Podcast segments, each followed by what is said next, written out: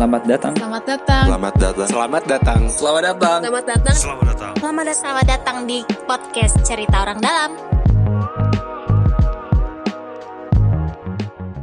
Satu dua tiga. Eh, gimana caranya? Lima empat tiga dua to close the door. Ya, biar kayak Deddy Corbuzier. Enggak, tapi teman-teman kita tidak mau mengcopy Deddy Corbuzier, tapi kita berharap supaya podcast kita sebanyak Deddy Corbuzier. Mas Deddy, coba kalau denger bisa dengerin datang ke cerita orang dalam. Nah, hari ini kita mau ma- kita mau ngobrol sama orang yang ada di balik PSBB. Nah, pasti kan orang teman-teman yang ngedengerin cerita orang dalam ini penasaran. Kok orang dalamnya itu itu aja? Ada eh, bintang tamu, eh, narasumber yang sudah hari ini ketiga dia jadi narasumber cerita orang dalam. Bukan begitu, Mas Heri ya? Siap. Nah itu itu dia- dia kalau teman-teman yang ngikutin dia hari ini ketiga kali hat trick dibanding yang lain. Nah yang satu lagi Mas Dedi yang kali kedua jadi narasumber. Alhamdulillah terima kasih sudah diundang lagi oleh podcast Cerita Orang Dalam. Alhamdulillah Terima kasih sekali, atas Dedi ya. kepercayaannya. Ala nabi. Nah ini eh sebelum jadi tadi pagi kita membuka sesi pertanyaan tanya jawab dari Instagram sama dari Twitter ya. Ada sekitar 89,4 pertanyaan tapi yang sudah kita pilih 18 saja. Tapi nggak akan semua dibacain juga sih. Nah, sebelum kita masuk ke sana, pertanyaan saya sederhana buat Mas Heri sama Mas Dedi. Jadi ini kata teman-teman netizen, katanya PSBB-nya sama aja sama yang kemarin. Bener gak sih? Oh tentu tidak. Us, kenapa itu? Karena eh karena ini sudah mengalami proses pembelajaran. Oke. Jadi baik pemerintah maupun warga beda dengan PSBB di awal April lalu. Mm, mm, Kita sama-sama tahu di awal itu kan semua baru pertama kali mengalami PSBB pembatasan. Semua juga masih menemukan cara yang tepat untuk penegakannya seperti apa dan lain sebagainya. Nah, kita melihat PSBB kali ini meskipun diperketat kembali seperti awal pengaturan pandemi, namun sudah ada beberapa best practice, sudah ada beberapa pembelajaran yang lebih spesifik gitu. Nanti kita bisa bahas, tapi intinya ini beda eh, masukan dari berbagai pihak pun jadi lebih konkret gitu kira-kira. Dan itu yang harapannya juga bisa eh, mencapai tujuan yang kita harapkan yaitu menurunkan kasus. Mungkin itu Jadi, sih. jadi target utamanya itu bukan eh, dapat eh, apa eksposur politik ya, tapi menurunkan kasus ya, supaya dikelirkan nih, semua yang denger kan isunya kan wah nih cari panggung apa segala macam gitu, kok heboh heboh gitu. Betul. Eh, saya menangkap dengan jelas intensi Pak Gubernur adalah terkait kapasitas rumah sakit kita dan tenaga kesehatan kita yang makin terbatas. Kondisinya itu kenapa dari awal eh, sebelum memutuskan itu Pak Gubernur berkali-kali minta dinas kesehatan untuk bagaimana data-data real time kita. Ibaratnya kalau bukan dinas kesehatan kita siapa lagi yang bisa kita rely on datanya gitu. Hmm, hmm. Jadi teman-teman dinas kesehatan itu sudah mengembangkan sistem yang sangat baik secara real time bagaimana kondisi kapasitas eh, lalu juga kondisi dari nakes-nakes kita. Nah, hal-hal yang seperti ini kan penting untuk pengambilan kebijakan dan sejauh ini saya mengikuti bahwa Pak Gubernur itu concern sekali terkait eh, bagaimana kita memastikan dengan angka yang semakin tinggi itu ya warga tetap bisa dilayani. Ya, Mungkin itu sih. Berarti memang pegangan utamanya itu data ya, karena eh, kemarin juga kita di episode sebelumnya itu ngobrol sama dokter Bila gitu ya. Dia memang cerita yang yang yang apa kondisinya eh, kondisi di lapangan seperti apa, kondisi COVID di Jakarta kayak gimana gitu dan akhirnya rem darurat itu ditarik eh supa, karena kapasitas rumah sakit kita yang kewalahan. Memang se- segitunya ya Mas Dedi ya? Apanya? Rumah Itunya, sakit. rumah sakitnya. Maksud maksud saya kan gini, eh, rumah sakit itu kan nggak cuma swasta sama pemerintah gitu ya. Betul. Eh, Dinkes itu berarti sudah mencakup seluruhnya dan dari seluruhnya memang sudah nggak punya kapasitas gitu. Hmm, hmm.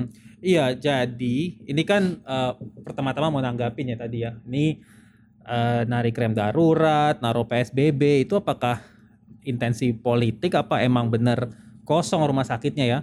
Kalau saya pribadi sih ngelihat ya. Mas Dedi, kalau kosong mah bagus dong nggak ada isinya.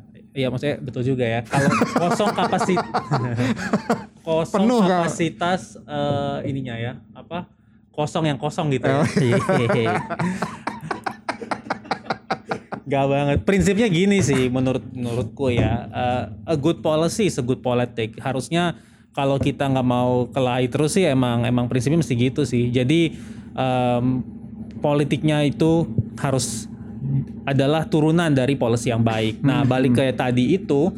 em, jadi sebenarnya kita itu sejak April itu sudah aware bahwa em, kita kan belajar nih. Jadi Ya. yang namanya pandemi COVID-19 ini nggak ada di dulu di awal Maret April kita nggak ada nyari di Wikipedia nggak ada contohnya. Zaman dulu kan tahun 1918 flu Spanyol kan Spanish flu ya. belum ada apa-apa gitu kan. Jadi uh, belum ada internet belum rumah sakit nggak se, se, se advance ini. Jadi nggak ada presidennya gitu ya. Nah jadi em, kita berpendapat bahwa ya kita sebisa mungkin ya responsif fact based lalu uh, transparan aja. Dan selalu mencoba nggak benchmark ke ke yang lain. Nah jadi di awal April kita udah ngelihat nih Ya. di Itali itu jadi kasus karena kapasitas rumah sakitnya itu tidak em, apa ya kapasitas rumah sakit sudah tidak sejalan lagi dengan jumlah pasien Ya, sehingga meledak kan. Nah pada saat meledak orang jadi panik gitu. Nah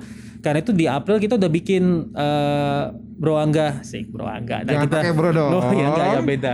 Ini Beda, apa nih? Kalau. Deddy Corbuzier pakai bro bro ya. Iya, Ya. iya, iya. Nah, iya jadi gitu sih Mas Angga. Di di April kita udah bikin um, dashboard rumah sakit. Jadi Iya, iya. kapasitas bed semua kita sudah bikin sistemnya dan kita pantau. Nah, menarik 12 hari terakhir ini itu peningkatannya boleh dibilang pesat sekali. Iya, iya, iya. 12 hari terakhir. Jadi ibaratnya lagi naik mobil nih ya, lancar di jalan tol tuh, tiba-tiba di depan ada yang ngerem mendadak gitu.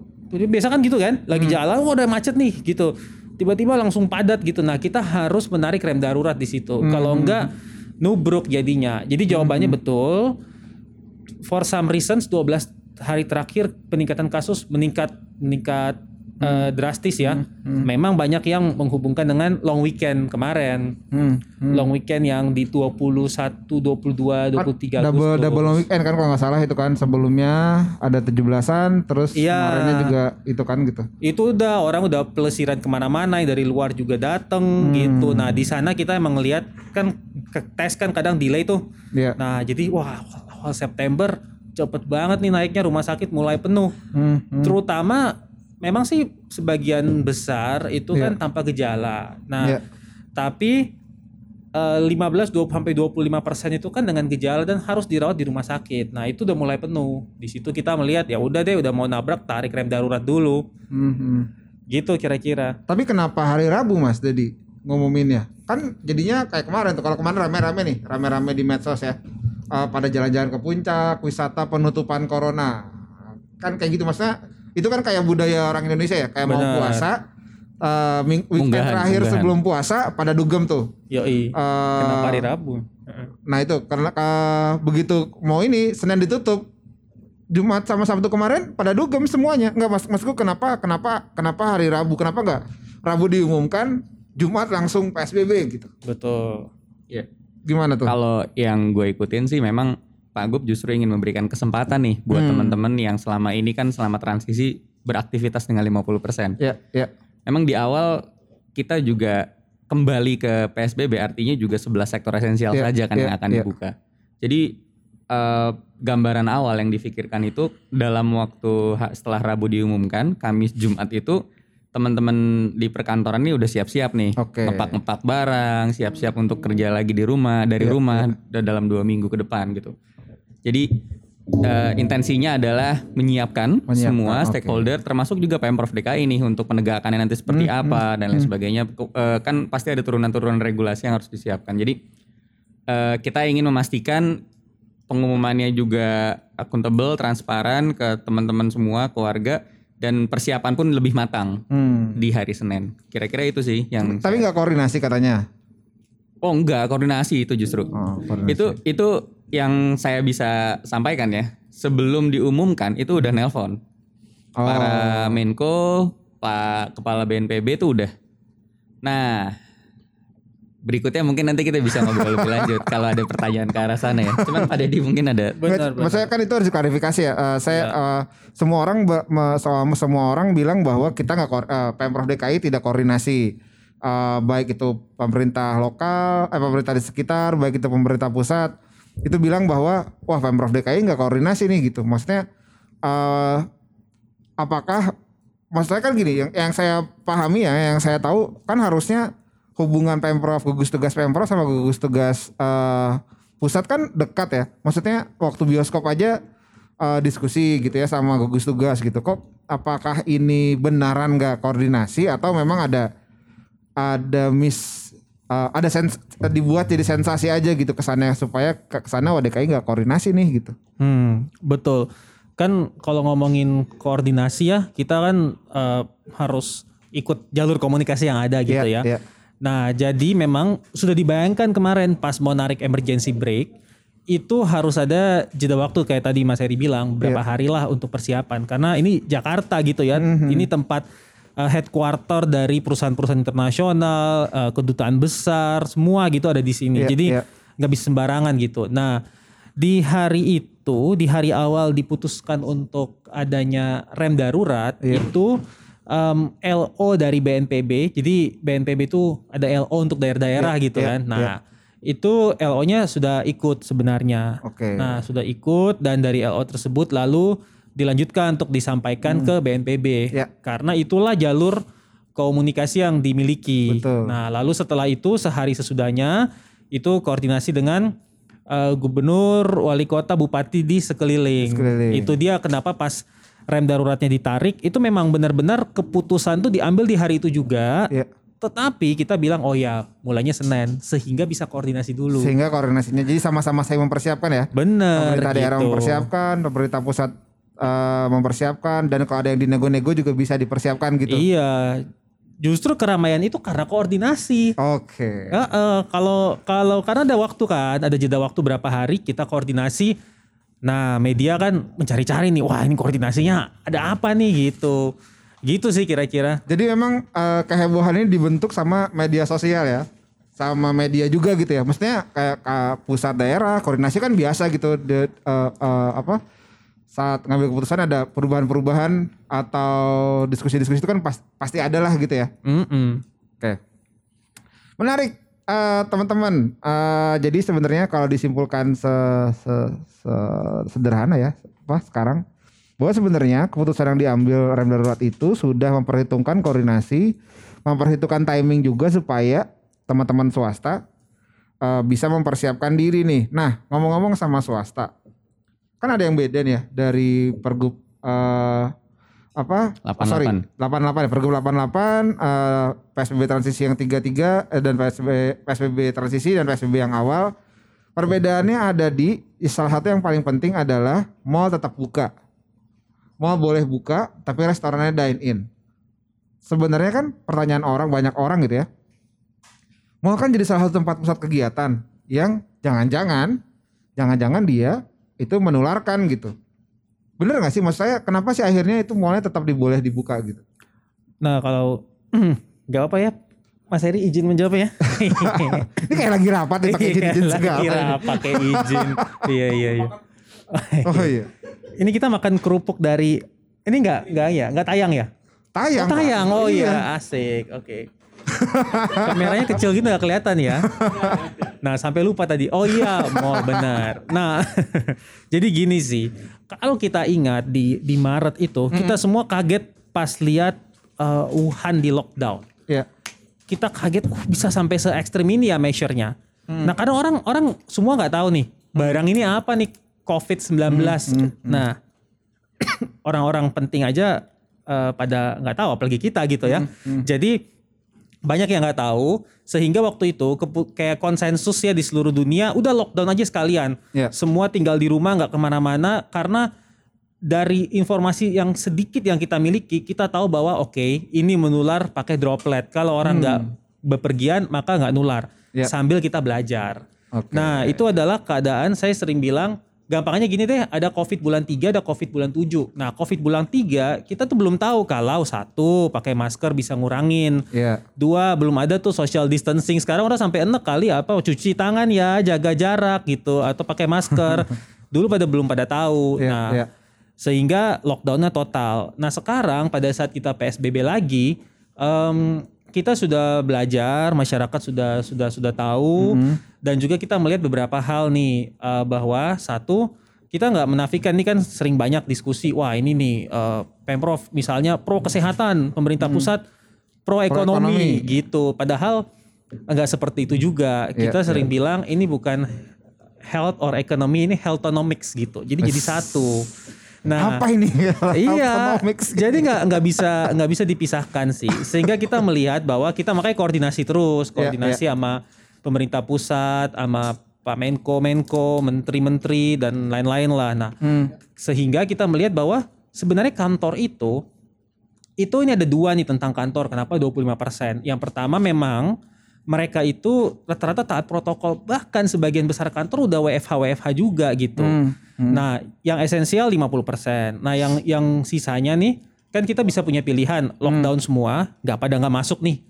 Atau sebenarnya kita melihat karena memang sudah belajar, ya udah kita buka 25%. Kenapa? Karena ini sekali lagi Jakarta, Bro ya. Jakarta itu eh, headquarter semua. Jadi orang dari apa kalau ada perusahaan multinasional nih, mereka lihat tuh yang di luar negeri, oh ini seperti apa Indonesia itu terlihat dari Jakarta. Sehingga kalau kita misalnya eh, lockdown total, kita melihat satu ada persepsi eh, mungkin publik atau dari eh, masyarakat luas yang juga akan negatif gitu ya atau Iya. akan takut. Kita lihat waktu kemarin IHSG sempat itu karena pada takut kan kon- eh, ini. Padahal ya tidak se-strict itu. Kita tentu pakai data kita lihat oh kantor ini memang isu jadi cluster tapi compliance-nya sebenarnya lumayan tinggi. Sisa kita batasnya 25% lalu mall. Mall ini sebenarnya tergolong eh, taat protokol juga. Dan kalau boleh diingat mall itu dari awal sih memang masih beroperasi hanya memang dibatasi. Dulu kan PSBB April itu mall tetap jalan tapi groceries buka. Ya, pokoknya buka yang lain tutup, groceries apotek buka, gitu. buka. Nah, bahkan dulu restoran juga buka tapi Dining, eh, uh, take away. take away. Nah, sekarang yang berbeda kan memang adalah yang lain-lainnya kan tuh cuma berarti toko baju gitu ya. Iya, iya, itu iya. ya udah tetap beroperasi. Isunya memang karena salah, selain memang pengunjung mall itu kita lihat pakai data juga Iya, ya, itu trafficnya rata-rata tidak tinggi, taat protokol dan juga memang kalau misalnya nantinya itu apa ditutup total, ngerestartnya itu butuh pensuasanaan yang lumayan. Mereka agak-agak berat lah. Nah kita lihat ya udah boleh buka. Toh juga dengan restoran gak bisa. Kan yang sering dibicarain netizen kan restoran ya Pak Heri ya? Iya, iya. ya ngobrol apa nongkrong bareng buka masker makan. Nah sekarang restoran nggak bisa dine in. Harusnya memang itu menurut analisis kita sudah menekan potensi penyebaran gitu mungkin Iya, iya. Mas Heri tambahannya juga sebenarnya bicara soal angka berapa persen berapa persen tidak menjamin eh, tidak ada penyebaran gitu. Hmm. Terlepas dari kita memang ingin berusaha membatasi, tapi kalau misalnya tadi contoh ketika dia dibuka di kantor eh, bukan sekedar jumlah orangnya, tapi kegiatan di dalamnya yang sulit untuk di Kontrol gitu. ya. kontrol kan. Jadi kayak misalnya lu masuk kantor 25% orang-orang pada pakai masker pas masuk kantor. Tapi pas udah di dalam lu pada lepas. Hmm. Dan kita nggak pernah bisa tahu nih penegakannya seperti apa di dalam. Hmm. Makanya sebenarnya eh, kita balikin lagi sebenarnya ini masalah di penegakannya dan itu yang mau kita kencengin lagi setelah ini. Hmm. Jadi dalam koordinasi tadi balik lagi dalam koordinasi sebenarnya eh, ditekankan bahwa polisi TNI itu akan lebih Ganas. eh, lebih aktif lagi membantu sejauh ini kan dengan satpol pp kita. Iya. Nah tapi memang eh, da- eh, kita menyadari bahwa kedisiplinan inilah yang yang paling penting gitu dari dari pelaku pelaku usaha dari masyarakat. Jadi eh, menjawab tadi juga memang eh, itulah justru yang jadi pembelajaran kayak tadi Dedi bilang dulu mungkin belum kebayang soal masker itu bisa membatasi penularan gitu kan. Terus juga angka eh, kepatuhan dari mall dibandingkan kafe-kafe, makanya akhirnya kita ngambil kebijakannya kafe lah yang kembali untuk tidak boleh dine in. Iya. Jadi ada evolusi dari kebijakan-kebijakan yang akhirnya ini nih best practice nih yang bisa kita Hmm. tegakkan. Dan misalnya kalau tanyanya juga pasti teman-teman kan udahlah lo bikin 25%, 50% bikin aturan sana sini. Apa sih yang ngebikin lo yakin gitu ini Iya. bisa ditegakin? Iya.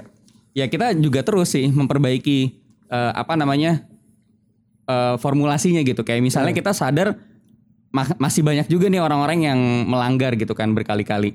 Kita masukin jadi ada sanksi progresif. Oke. Bahkan sekarang kita dalam proses untuk membuat sanksi-sanksi yang sebe- sebelumnya masih dalam pergub itu kita naikin nanti jadi perda. Jadi perda ya. Supaya Jadi ini lebih- dasarnya kuat ya. Benar buat jadi dasar buat TNI Polri itu nanti eh apa namanya penegakan di, lap- di lapangannya lebih kuat. Jadi Iya. Eh, segala cara yang bisa kita lakukan harapannya ya kalau Pak Gubernur bilang kan pemerintah itu melakukan 3T, testing tracing treatment, masyarakat ya 3M gitu. Jadi saling jaga, saling ngelakuin apa yang sudah seharusnya kita inilah eh, Iya, jadi tanggung iya. jawab masing-masing. Nah, oke, Eh, menarik. Jadi tapi bukan karena ada ini ya request-request ya. 25 persennya ya. Itu proses eh, apa dinamika yang Oke, terjadi. mantap. Kalau saya sih request sebuah pendengar beli keripik tempe Umi Sari. Enak banget untuk dimakan di rumah sambil lockdown. Akun ininya apa? Akun Instagramnya? Instagramnya At keripik umisari. keripik Umi Sari. Udah, udah cocok masuk Rans Entertainment belum? Isinya orang baca semua, orang jadi semua. nah, oke. eh, menarik soalnya, soalnya ini ada beberapa dari hasil pertanyaan tadi pagi ya. Jadi eh, ini juga eh, beberapa hal kalau saya boleh simpulkan. Pertanyaan yang pertama adalah kaitannya sama compliance gitu. Eh, banyak apa tadi ketaatan orang untuk ikut protokol, kantor ikut protokol. Eh, lalu yang kedua apa namanya kaitannya dengan bansos, ketersediaan bansos.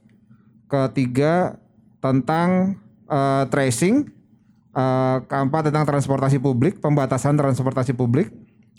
Lalu yang terakhir tentang ini agak agak pelik. Berani nggak sih eh, pemprov nindak eh, institusi pusat kalau ngelanggar protokol? Nah, mungkin dari itu dulu tuh yang paling penting. Eh, pertanyaannya dari Ega Julaiha. Eh, bagaimana mekanisme dan kapan sidak di kantor-kantor instansi pemerintah pusat? Pemda berani?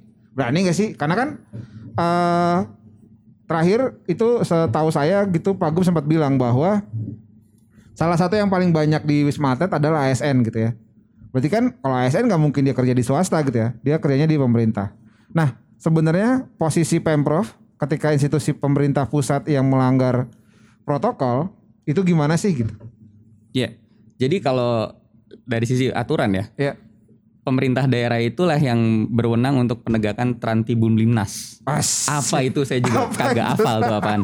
Ketentraman, ketertiban, lintas masyarakat apa gitu kan. Ini Undang-Undang 23 tentang pemerintah daerah. Isopolek busus bootcamp tuh. Iya iya itu setara lah ya kira-kira. Nah bahwa eh, dari sisi kebijakan memang tentu ke- kebijakan pemerintah pusat lebih tinggi. Tapi bicara soal penegakan ketertiban, keamanan masyarakat itu ya ngikutin di mana dia terletak.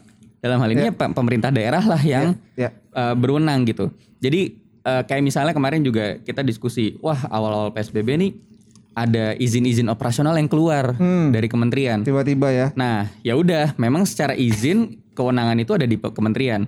Tapi selama dia terletak di da- wilayah, wilayah DKI Jakarta, dia harus ngikutin protokol yang sudah ditetapkan oleh oke. pemerintah daerah. Nah, hal itu juga terjadi pada kementerian-kementerian. Ya. Oke, eh, bicara soal kebijakan perindustrian, bicara soal kebijakan ASN, tentu para menteri ini yang lebih tinggi Ya. karena level pus- eh, nasional pusat.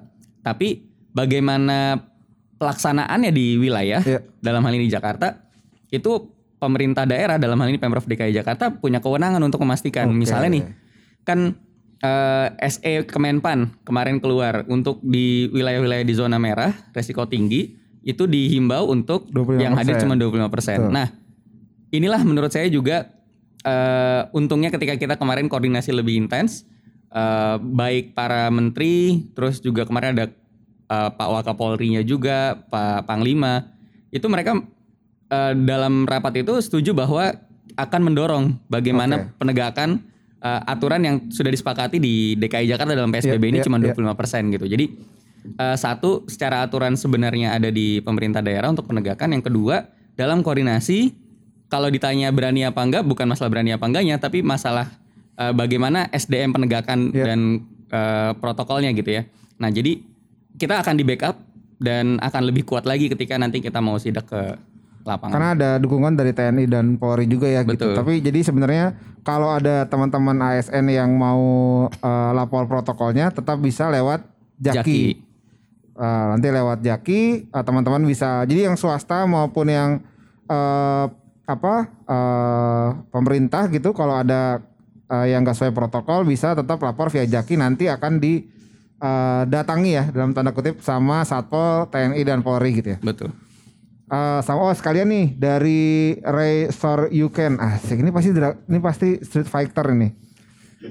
Eh berarti kalau kalau bukan warga DKI bisa lapor via Jaki juga ya, Bisa dong. Mas Heri? Bisa. Oke, aman langsung kejawab cepet, jangan lama-lama. Nah lalu berikutnya. Se Jakarta kan milik semua ya. Eh, Mainkan kalau saya di- kalau di Merauke gitu mau lapor via Jaki boleh ya? Ih, Kalau pas lagi ke Jak- di Jakarta boleh. Oke. Iya. asal yang dilaporin yang di Jakarta. Mau Di izin. Jakarta. Kalau di tempat lain di luar yurisdiksi Pak agak sulit. Kan Indonesia ya. Jangan. Nah, jangan bahaya. Nih, lalu ini ya, eh, tadi kan kaitannya sama institusi pusat dan daerah gitu. Ini eh sama bansos nih, Pak Heri, Pak Dedi, Eh, dari Hafiz Mulia, ada dan dari beberapa teman-teman yang lain. Kan kalau PSBB kan harus nyiapin bansos ya. Emang DKI ada udah nyiapin bansos? Jangan-jangan nanti itu lagi nggak dapat bansos juga pemerintah eh, rakyat DKI Jakarta. Iya, jadi bansos sendiri sebenarnya ini perlu pakai buka-buka data gini nggak? Oke. Kira-kira aja ya gitu ya. Iya. Tapi bansos itu sebenarnya sejak dulu kan sempat rame ya bansos. iya. Nah itu eh, lalu udah udah udah nggak pernah dibahas lagi. Heeh. Nah itu tetap berjalan. Jadi Oke. sampai akhir tahun sebenarnya itu emang bansos jalan dan bahkan DKI itu ada jadwal untuk memberikan bansos itu di minggu depan. Minggu depan. Minggu depan dan kita memang sejak kemarin sempat rame-rame itu kita Ya, sudah ya.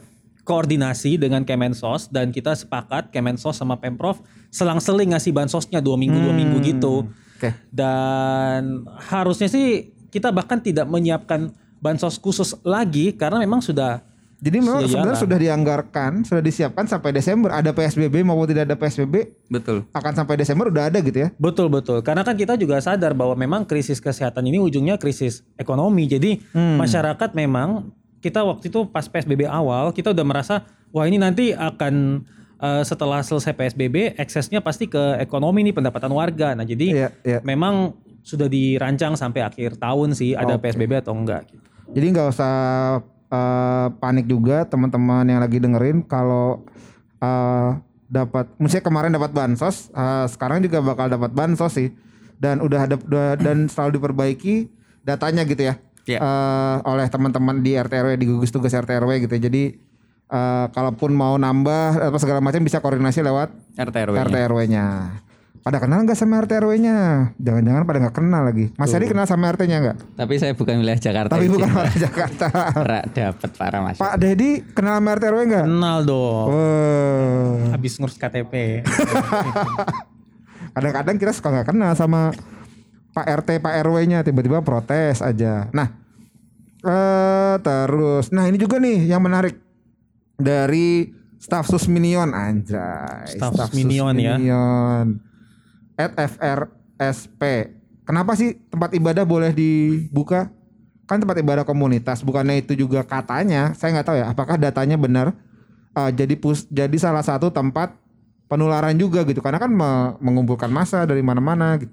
Iya. Justru itu yang udah kita antisipasi dan pelajaran selama ini kan. Betul. Tempat ibadah raya seperti yang disampaikan Pak Gubernur kan. Tempat ibadah raya yang mana didatangi oleh peserta ibadah dari luar pemukiman itu yang ditutup. Ya. Dan itu eh, dan satu lagi yang terletak di zona merah. Ah, Jadi oke. eh, pembelajarannya justru kalau misalnya mereka berada di satu komunitas dan sudah melakukan pembatasan, itu tetap bisa jalan karena Hmm. apa namanya eh, kemungkinan mereka untuk pap- terpapar dari luar tuh lebih sedikit. Mm-mm. Udah gitu eh, jangan khawatir sebenarnya mau yang sudah ditutup dari awal PSBB ini maupun yang nanti hampir semua lah ya. Ini aturannya berlaku sama untuk semua sektor nih da- dalam PSBB. Sekali ada yang kena atau ditemukan kasus positif di tempat itu eh, apa namanya penularannya itu langsung tutup, Tutup, tiga hari oke. gitu. Nah eh, tambahan lagi mungkin eh, untuk implementasinya sebenarnya nanti juga akan dikoordinasikan bersama wali kota, terus mungkin organisasi-organisasi keagamaan di level kota administratif, jadi kayak Jakarta Utara, Pusat, Selatan gitu. Itu nanti benar-benar akan dijaga. Kira-kira nih tempat-tempat mana yang sudah siap gitu ya. Makanya Ya. eh, pembelajarannya kan selama ini kita bisa mulai melihat belum pernah memang pernah ada sih satu dua klaster Hmm. tempat ibadah. Tapi makin ke sini uh, awarenessnya makin tinggi gitu. Malah yang kita dengar kan malah klaster perkantoran yang sebenarnya Iya, iya. meningkat. Jadi uh, tidak sepenuhnya dibuka, tapi juga tidak uh, apa bebas seperti mungkin di transisi gitu ya. Di transisi pun 50% kan Hmm. Iya, uh, iya, ak- apa, kapasitasnya gitu. kapasitasnya. Jadi teman-teman bukan karena kayak kalau ada di teman-teman ada di grup WhatsApp terus bilang kalau ini apa namanya eh, tempat ibadah itu buat merawat konstituen itu salah ya teman-teman ya. Jadi karena eh, posisinya itu eh, udah ada pembelajaran dan sudah eh, kalaupun memang itu nanti di ada penularan di situ akan ditutup. Nah, tapi pertanyaannya orang-orang kan kalau tempat ibadah komunitas ini yang dimaksud musola aja atau gereja juga atau yang lain gitu. Iya, jadi eh, mungkin apa? Aku jawabnya agak agak ke samping dulu terus jawab ke pertanyaan ini ya. Jadi kan kita juga ada diskusi ya eh, yang juga lumayan rame nih tentang alternatif ke P- dari PSBB yaitu pembatasan sosial berskala apa sih bahasanya? Mikro. Mikro. gitu ya. Padahal ini kan yang dulu sempat diramein juga pas di sini sebut pe- pe- pembatasan sosial berskala lingkungan ya kalau nggak Total, salah. PSBL, PSBL gitu. PKBA dan jadi WPK kalau nggak salah. nah macam-macam. Jadi secara prinsip memang kita itu sudah menyadari bahwa eh, di Jakarta ini karakter wilayahnya itu sangat beragam. RW RW-nya itu ada yang mulai dari RW model apartemen sampai RW yang padat pad yang ku, yang padat gitu ya kayak di kampung-kampung. Jadi memang sudah ada yang namanya kawasan kendali ketat ya Mas Heri ya. Kawasan Wilayah pengendalian ketat. Wilayah pengendalian ketat benar. Nah di situ memang eh, RW itu sudah ada gugus tugasnya juga untuk mengawasi eh, tingkat penyebaran kas eh, penyebaran virus di wilayah tersebut sehingga jika memang dikatakan tidak aman maka bisa dilakukan eh, pembatasan sementara di wilayah tersebut sehingga yang sempat ramai kemarin pembatasan berskala mikro ya itu sudah dilakukan sih. Nah Iya. berkaitan dengan itu kita menyadari bahwa karena untungnya kita sudah melakukan pembatasan dengan apa wilayah apa kendali ketat itu em, dengan pembatasan berskala mikro itu sehingga kita sudah bisa mengetahui oh wilayah-wilayah ini itu keadaan masyarakatnya seperti apa dan em, penyebaran virusnya seperti apa. Ya. Kalau kita ngomong tentang tempat ibadah di komunitas itu kan em, mungkin kalau kalau kita tinggal di kompleks kurang kali ya, tapi kalau misalnya di kampung-kampung, di ganggang itu kan bagian dari social fabric masyarakat gitu. Jadi sehari-hari masyarakat tuh memang memang beribadah di situ gitu. Nah, jadi kalau misalnya wilayahnya aman dengan pengendalian dari tingkat RW itu, maka seharusnya kita tidak memberikan eh, penek- tekanan yang lebih besar lagi kepada warga, terutama nih kita kita melihatnya warga-warga di kampung-kampung yang padat penduduk gitu. Iya, iya. Jadi memang tempat ibadah ya memang sudah jadi bagian dari dari keseharian eh, mereka. Yang penting protokolnya ada, kan keadaannya aman, kita boleh buka. Sehingga kita benar-benar berusaha agar kebijakan itu memperhatikan segala aspek sih. gitu. Hmm. Dan yang tadi baik lagi pertanyaannya adalah bukan cuma musala ya. Berarti semua tempat ibadah Oh, betul. yang skalanya komunitas itu boleh eh, beroperasi gitu. Betul betul. Jadi bukan cuma musola, tapi juga misalnya em, gereja atau tempat-tempat ibadah lain yang komunitas untuk warga warga sekitar sekitar situ ya. Kayak misalnya contoh di eh, di Glodok sana itu kan beberapa beberapa kelenteng itu kan memang komunitas di situ. Iya, iya. Jadi jadi ada di di Glodok itu ada beberapa beberapa kelenteng, ada yang besar itu boleh dikategorikan raya. Raya, oke. Tapi ada yang memang milik warga warga setempat gitu. Oke. Jadi ada satu gang tuh kadang kelenteng kecil ya itu yang yang hadir ya warga setempat situ. Itu boleh dibuka gitu. Oke. Jadi be- karena sebenarnya nanti penilaiannya ada di gugus tugas RW-nya itu ya Mas Dedi ya yang Iya. lewat pembatasan mikro itu bahwa kalau memang RW-nya menilai itu boleh buka akan dibuka tapi kalau eh, dia merah maka akan ditutup gitu. Jadi Betul. jadi begitu kaitannya sama rumah ibadah dan itu adalah salah satu aspek yang berbeda juga selain mall tadi dengan PSBB yang eh, sebelumnya gitu. Jadi kalau misalnya ditanya lebih longgar sebenarnya enggak juga karena longgar atau tidak longgar itu kaitannya sama rasa. Iya, kadang bagi bagi bagi saya itu ketat, bagi anda longgar, bagi dan sebaliknya. Karena yang penting adalah penindakannya gitu. Eh, dan partisipasi publik dari RW dan masyarakat. Nah, lalu nih ini ada pertanyaan ini kayaknya per- pertanyaannya cukup menarik. Eh ini jadi kontroversi ya. Eh dari at penyejuk underscore hati underscore. Ah, ini Waduh, jadi langsung jadi sejuk ini hati saya pas bacanya ini. Eh, meskipun pertanyaannya tidak tidak Tidak menyejukkan. menyejukkan. Pertama, meski kantor sudah diperketat, apa salahnya jika transportasi umum tetap berjalan normal, tidak dibatasi jam operasional dan jumlah armada? Karena eh, banyak kan eh, yang bertanya, kok kalau misalnya dibatasi kan orang jadi naik susah bergerak gitu. Kenapa sih harus dibatasi? Kenapa kan kalau normal aja kan sebenarnya baik-baik aja gitu. Kenapa sih? Mas Dedi, Mas Heri? Mas Erik ya? Izin lagi. Oh, Oh iya lagi lagi posting ya Iya. emang ya, biar live gitu ya. Iya. posting apa ini Bapak ini? Iya. Jadi kepada Ed penyejuk hati, saya coba sejukkan hati anda ya. ah, Nah jadi em, pertanyaannya kan ini, ini sering sih pertanyaannya. Oke kenapa ada ganjil genap, kenapa enggak? Nah kita itu em, sebenarnya begini sih. Jadi em, terkait dengan dengan eh, pengambilan kebijakan itu kan kita selalu ada yang namanya eh, monitoring hasil dari kebijakan kita implementasinya yang nanti akan berujung kepada pengambilan keputusan juga berikutnya. Nah salah satu yang paling eh, paling gampang untuk dimonitor itu adalah mobilitas. ya. Artinya kita bisa tahu peningkatan mobilitas baik menggunakan kendaraan pribadi maupun kendaraan umum itu seperti apa gitu. Nah, jadi em, kita emang emang melihat bahwa yang namanya PSBB ini kan eh, harus dipahami sebagai pemerintah satu membuat peraturan artinya tatanannya praktis sama yang kedua yang tatanannya lebih abstrak. Maksud abstrak itu apa maksudnya? Kita ngirimin ngirimin pesan. Pesan yang dikirimkan adalah semua orang sebisa mungkin tinggal di rumah Iya. dan jika sangat terpaksa ya boleh ke kantor karena kita tahu beberapa pekerjaan maintain server misalnya yang membuat podcast kita jalan itu memang harus datang ke kantor. Nah, Iya. jadi em, memang kita melihat bahwa dengan eh, tren mobilitas yang ada sekarang pas PSBB transisi juga sudah tidak terlalu naik sih. Hmm. Em, nah sehingga kalau adanya PSBB ya harus di, dibatasin seperti lagi, itu. oke. Karena toh juga eh, sekarang kita ganjil genap kita cabut kan, Iya, sehingga orang jadi punya opsi yang lebih banyak Hmm. seperti itu. Tapi memang harus dikirimkan s- sinyal yang jelas juga bahwa memang orang itu diharapkan untuk tinggal di rumah gitu. Tapi saya juga pelajari kaitannya dengan negara-negara lain gitu ya, Mas Dedi. Di Korea Selatan yang mulai PSBB lagi ya, maksudnya pembatasan 2, level 2,5 gitu. Mereka juga membatasi transportasi publiknya kan, maksudnya Iya. dia eh, cuma sampai jam 8 malam supaya orang-orang gak nongkrong gitu. Betul. Supaya orang-orang pulang kerja langsung pulang gitu, dibatasi eh, apa frekuensinya, maksudnya headway-nya dibatasi gitu supaya supaya nggak ini ya, maksudnya kan berarti kan itu best practice-nya ada di tempat-tempat lain juga dan nggak ada Iya. masalah sebenarnya gitu A- eh, dengan dibatasi gitu ya.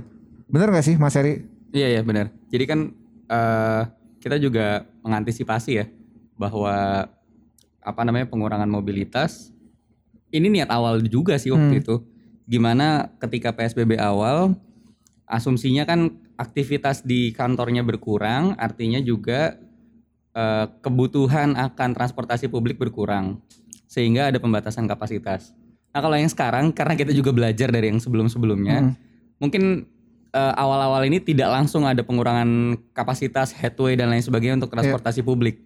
Karena kita eh, tadi kita menyiapkan buffer buffernya dulu gitu ya, jangan sampai ternyata masih ada yang bandel-bandel juga Ya. nyuruh eh, karyawannya masuk semua ya kita masih tetap menyiapkan tapi seperti yang dia disampaikan tadi mengirimkan pesan sebenarnya kurangi aktivitas anda sebisa mungkin lalu ganjil genap juga sebenarnya ditiadakan lagi-lagi uh, kita mendukung bahwa anda jika memungkinkan ya uh, gunakan saja kembali kendaraan Hmm, pribadi Anda karena itu yang paling aman gitu kan uh, apa namanya uh, terkait dengan memastikan tidak ada penyebaran. Oke. Jadi ya lagi-lagi kalau saya sih ngelihatnya ini ini apa namanya best practice pembelajaran-pembelajaran yang sudah kita dapatkan dari PSBB sebelumnya. Oke, jadi gitu eh, dibatasi itu cuma supaya tak bergerak juga, supaya orang-orang nggak bergerak gitu ya.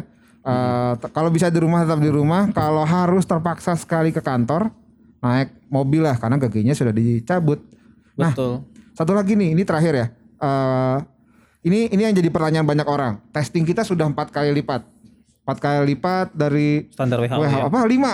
Wah, saya dikoreksi katanya lima, katanya Oh, lima kali lipat ya. lima kali lipat Oh. dari standar WHO. Tapi tracingnya jauh sekali dari standar WHO gitu. Dari standar WHO satu sa- satu banding 30 eh, di DKI baru tadi terakhir dari Bu Kadis eh, satu banding 6. Pertanyaannya dari penyejuk hati lagi, pertanyaan nomor dua. Eh, dan ada dari beberapa yang lain juga kaitannya sama tracing gitu. Nah, eh gitu. Kenapa? Kan, pertanyaan pertama, eh kenapa? Kemarin sih dokter Bila udah sempat bilang gitu. Terus eh solusinya gimana sih gitu? Tracing ini solusinya gimana sih? Jangan-jangan PSBB ini tidak memberikan manfaat apa-apa terhadap penambahan tracing gimana nih? Betul. Jadi em, kan kita selalu bilang ya 3T testing, tracing dan treatment gitu Hmm. ya. Jadi kalau kita lihat testing, kita kan lima kali lipat dari standar WHO. Salah satunya adalah karena em, ada bantuan boleh dibilang ya dari em, ru- ru- rumah sakit, lembaga-lembaga testing swasta yang juga ikut mengetes. Hmm. Jadi kita selalu sadar pendekatan pemprov DKI itu nggak pernah pemerintah menyelesaikan semua permasalahan Kolaborasi ya. kita selalu mau berkolaborasi karena kita sadar di Jakarta ini ini tempatnya orang-orang paling paling berdaya di Indonesia lah. Jadi paling Hmm. punya power, punya resource. Nah, itu satu, testing kita dibantu. Iya. Lalu kemudian untuk treatment rumah sakit, kita juga banyak kolaborasi sama rumah sakit-rumah sakit swasta. Iya, iya. Nah, pada saat kita ngomong tracing, betul sekali memang em, terbatas sih kalau Hmm. memang dengerin dari dari teman-teman Dinkes itu sudah all out sekali Iya, untuk melakukan eh, tracing. Tuh. Jadi banyak yang bisa kita lakukan dan sekarang sudah kita siapkan. Em, tentunya banyak diskusi tentang em, bantuan dari telekomunikasi untuk tracing. Ini kan sempat dilakukan em, ya di di beberapa negara memang belum maksimal sih, Iya, baik lewat apps maupun lewat mobile eh, seluler ya jadi s- sinyal. Tapi satu hal yang mungkin bisa teman-teman bantuin adalah em, kita bisa untuk mulai berpikir untuk mengumpulkan relawan tracing sih Oke. gitu. Jadi artinya em, kita bisa punya pilihan untuk nunjukin pemerintah, wah cuma satu banding enam aja dinkesnya kurang kerja. Tapi kalau lihat dokter-dokter itu, tenaga-tenaga kesehatan, bayangin nanganin orang sakit iya, ngetes iya, nge-tracing juga dilakukan oleh mereka dengan sepenuh tenaga walaupun ini ya.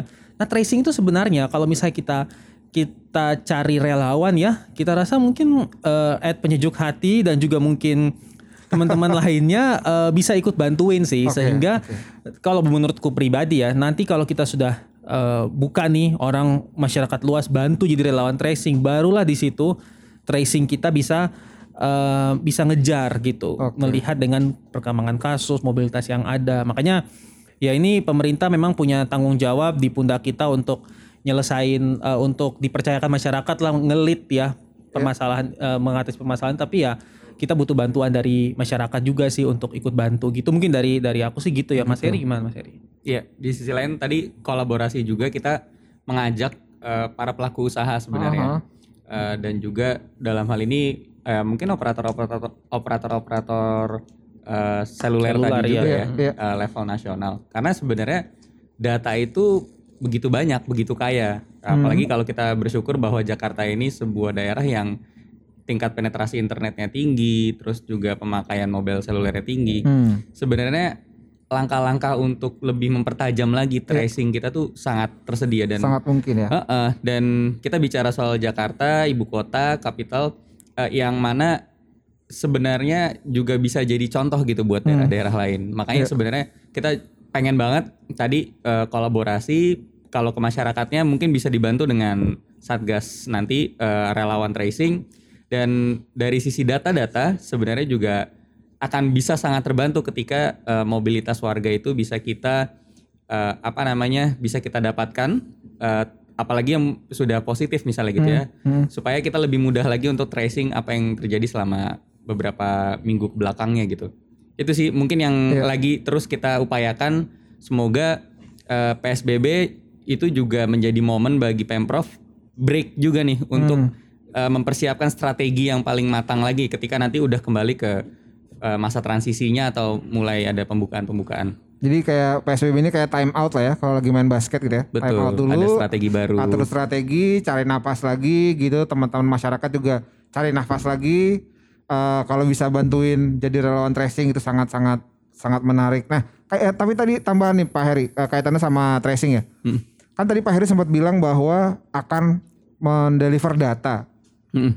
Bukankah di Permenkes ada aturan datanya nggak boleh disampaikan ke pihak ketiga gitu. Cuma boleh dipegang sama eh, institusi kesehatan dalam hal ini puskesmas gitu. bener Itu gimana tuh? Iya bener, itu yang kita juga lagi masih ini ya siapin gitu kajiannya. Hmm, Sebenarnya kan ini dalam dalam hal kedaruratan gitu. Iya. Ibaratnya eh, data-data yang sebenarnya sifatnya privasi, tapi ternyata bisa eh, sangat membantu untuk proses tadi tracing atau menyelamatkan lebih banyak lagi nyawa gitu kan, karena Hmm. eh, begitu banyak kasus-kasus OTG yang kita nggak pernah tahu mereka ke mana aja. Nah jadi Ah. eh, sebenarnya kalau dari sisi aturan juga eh, seperti yang tadi saya sampaikan, kita lagi nyusun perda gitu kan. Nah harapannya perda ini kan selevel ibaratnya undang-undang di Iya, levelnya undang-undang di daerah, daerah gitu kan. gitu, Jadi betul. mungkin akan ada beberapa kekhususan jika eh, baik legislatif maupun eksekutifnya se- sepaham gitu ya. Untuk dalam rangka kedaruratan ini saja Oke. kita bisa eh, ibaratnya memastikan bagaimana data-data tersebut tentu tetap terjaga tapi juga dap- dapat dimanfaatkan untuk menekan kasus. Oke. Gitu Tuh, sih. Jadi emang eh, terobosan-terobosan sedang dilakukan gitu ya Dan harus. dan harus. Ini titipan titipan dari teman-teman, titipan dari netizen ini karena yang nanya-nanyanya followernya banyak Wah, katanya. Enggak deng, bohong. Tapi maksudnya ini kaitannya masih sama penegakan sih. Eh nambahin sedikit dari Mas Daniel Giovanni at Kronos. Hasil sanksi sosial yang kemarin sapu-sapu jalan apa efektif? Apa ya apa yang saat PSBB baru ini ada perubahan di sanksi jadi bakal bikin lebih jerah atau bahkan bikin jadi ngelotok di kepala orang-orang buat gak ngelanggar. Kalau dari sanksi tadi Mas Heri udah bilang ada sanksi progresif ya Mas Heri. Tapi memastikan sanksi progresifnya saya nih ngelanggar apa tapi gimana caranya eh, Satpol PP tahu kalau saya ngelanggar lagi gitu. Iya. Ini pertanyaan pancingan yang baik sekali Pak Angga. Jadi kita sudah menyiapkan sebuah aplikasi yang akan dipegang oleh para penegak hukum kita Iya. yang mencatat. Jadi pelaku usaha itu dengan NPWP-nya, kalau untuk masyarakat individu dengan NIK-nya. Oke. Jadi kita akan tahu nih ke depan dan bahkan mungkin akan kita upload juga kali ya dalam waktu berkala. Di- disampaikan gitu siapa aja yang melanggar gitu. Bener pelanggaran-pelanggaran. Jadi kita tahu orang ini melanggar berapa kali dan kalau teman-teman ngelihat pergubnya atau paparan pagub kemarin, yaitu tiap kali pelanggaran itu akan meningkat. Jadi Hmm. deterrent effect-nya di situ kan harapannya dan eh, tentu satgas-satgas RW, RT RW itu diperketat juga nih untuk Hmm, untuk sosialisasinya. Gitu sih. Oke, jadi sudah ada aplikasi yang mencatat sehingga eh, orang yang ngelanggar bisa dua kali tiga kali lagi gitu ya. Mm-mm. Bisa tadinya 250 ribu jadi 500 ribu, Mm-mm. ngelanggar lagi jadi sejuta, ngelanggar lagi jadi satu setengah juta kalau nggak salah gitu. Nah, tapi kalau teman-teman ada yang mau ngetes silahkan sehari empat kali eh, ngelanggar nggak pakai masker. Lumayan juga tuh jadi sekitar 3 jutaan habisnya tuh. Tapi kalau mau punya nyali mungkin bisa juga sih Iya. gitu. Tapi ada nggak sih Mas Dedi eh, terobosan dari pemprov gitu ya untuk meningkatkan compliance masyarakat gitu pakai masker, cuci tangan, jaga jarak, nggak nongkrong dulu gitu. Iya betul. Jadi em, memang kita kan coba selalu berpikir eh, 360 ya. Jadi 360 derajat lihat dari semua semua aspek. Hmm. Jadi masyarakat bisa ngelaporin, kemudian eh, Pemprov juga akan aktif untuk melakukan inspeksi ya. Jadi dan sekarang akan lebih lebih ketat karena kita sudah dibantu dengan eh, TNI dan Polri Ya. berkat hasil koordinasi gitu ya. Jadi kalau kita lihat Polri juga sudah mulai nyebarin tuh. Jadi kita juga aktif, masyarakat bisa melaporkan dan em, ada beberapa hal-hal kecil lain misalnya em, akan ada kewajiban bagi perkantoran untuk menyiapkan rencana WFH tiap kantor misalnya. Oke. Nah ini kan akan membuat HRD untuk terdorong untuk eh, memikirkan tentang bagaimana ya memastikan agar em, karyawan tuh di rumah karena akan diminta oleh dinas tenaga kerja. Em, Hal-hal seperti itu sih. Lalu em, apalagi ya kita juga eh, mencoba sih untuk me- menggunakan berbagai macam eh, channel gitu untuk Hmm. mensosialisasikan tentang tentang ini Iya. dan mencoba mensuasanakan bahwa ya kita ini serius gitu ya. Em, mungkin itu kalau memang ada masukan-masukan ya kan eh, seperti kita selalu bilang pemprov sangat terbuka terhadap kolaborasi bisa di, diberikan ya mungkin eh, di apa di mention aja masukan-masukannya ke Twitter @dki Jakarta gitu ya Siap. atau di At DK Wijaya juga bisa. Instagram juga bisa. Atau kalau misalnya mau berkolaborasi bisa follow di Instagram @plusjakarta dan plusjakarta.com. promosi nih Bapak ya. Kita banyak jualan di Pemprov ini. Jangan lupa eh, keripik kumisari juga di Keripik mention. Umi Sari ini adalah salah satu contoh UMKM sukses yang bisa dilihat di @jakpreneur. Eh, adalah program flagship Pemprov untuk mengembangkan UMKM. Asap ini. Kenapa jadi wadah promosi ya? menang banyak ya. namanya. Iya benar. Ya, eh, gitu teman-teman. Jadi ini sekilas ya, maksudnya kalau kalau kemarin itu kan riuh politik ya, riuh politik tentang PSBB, PSBB transisi, PSBB ketat, PSBB Iya. total, apa pun itu namanya. Tapi sebenarnya proses pengambilan kebijakannya itu berbasis data, evidence based eh, dan koordinasi gitu. Jadi eh, supaya pengambilan kebijakannya tepat untuk DKI Jakarta dan juga insya Allah, insya Allah bermanfaat juga buat diterapkan di Indonesia. Saya Indonesia di daerah-daerah lain kalau mau menerapkan pola yang sama, meskipun saya yakin teman-teman eh, di daerah-daerah lain juga pasti punya polanya masing-masing gitu. Terakhir buat dari Mas Dedi sama Mas Heri, buat teman-teman yang masih pengen nongkrong, yang nggak peduli sama protokol, eh apa nih yang ingin disampaikan gitu? Silakan Mas Heri. Mas Dedi aja lebih jago punchline-nya kayaknya. Ya sih kalau kalau dari kalau dari aku sih ya kita itu melihat em, ini di di seluruh dunia itu memang terjadi polarisasi tentang pakai masker nggak pakai masker, social distancing nggak social distancing. Di mana-mana even di negara-negara maju juga banyak kita lihat ya.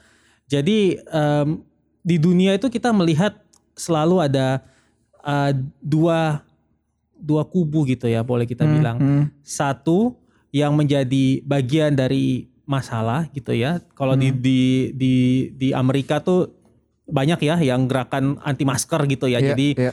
eh, datang ke fast food, loncat ke atas counter, teriak-teriak gitu. Nah, eh, itu banyak yang seperti itu. Oh, Oke. Tapi kita juga lihat em, ada orang-orang ya yang taat pakai masker, jaga jarak, ada yang udah lockdown 6 bulan di rumah seperti itu. Em, itu yang jadi bagian dari solusi sih. Jadi ada yang kayak Mas Kronos kan banyak nge-tweet untuk memberikan solusi konstruktif. Itu part of solution. Ada yang part of problem ikut ngeributin. Saya rasa sih Contohnya siapa tuh Pak? saya, nah saya rasa sih eh, apa memang adalah kenyataan masyarakat tuh selalu rame lah ada pro dan cons dan kita senang demokrasi banyak seperti itu. Tapi untuk yang masih nongkrong-nongkrong masih itu ya harus diingat bahwa kita harus jadi bagian dari solusi untuk masalah yang besar sekali. Kita udah lihat lah ya nggak usah diceritakan lagi tentang perjuangan dokter-dokter itu ya. Jadi em, rasanya lebih ke ke situ sih. Jadi eh, kita ingat-ingat aja hal-hal itu. Menurut saya sih gitu ya. Mas Heri gimana? Oh kalau gue ini punchline-nya lu pilih pakai masker atau pakai ventilator. Asik. Jadi mumpung masih bisa pakai masker, pakailah daripada kejadian-kejadian tidak kita inginkan. Terima kasih. Tidak nyaman pakai masker tuh memang tidak nyaman, tapi pakai ventilator itu lebih tidak nyaman, begitu ya? Cuca. Betul. Cocok sekali Bapak ini memang sangat-sangat me- nah, gitu. Eh, Mau apa pak? terima kasih Mas Heri, Mas Dedi. Siap. Eh, tadi ketinggalan sebenarnya kita mau punya episode bareng Plus Jakarta, tapi nanti silahkan ditunggu eh, Asik. supaya bisa nanti mungkin narasumbernya Mas Dedi lagi, tapi nggak tahu nanti. Jangan dong. Jangan. Ada yang lain saya yakin yang lebih Yang lebih apa? eh, apa enak untuk menjadi pembicara gitu. Oh iya iya iya. iya, iya. Begitu eh, terima kasih selamat hari gini teman-teman. Eh, silahkan dengarkan follow dan follow Instagram In- cerita orang dalam at Heri Darmawan, Deka Wijaya dan Angga Putra F.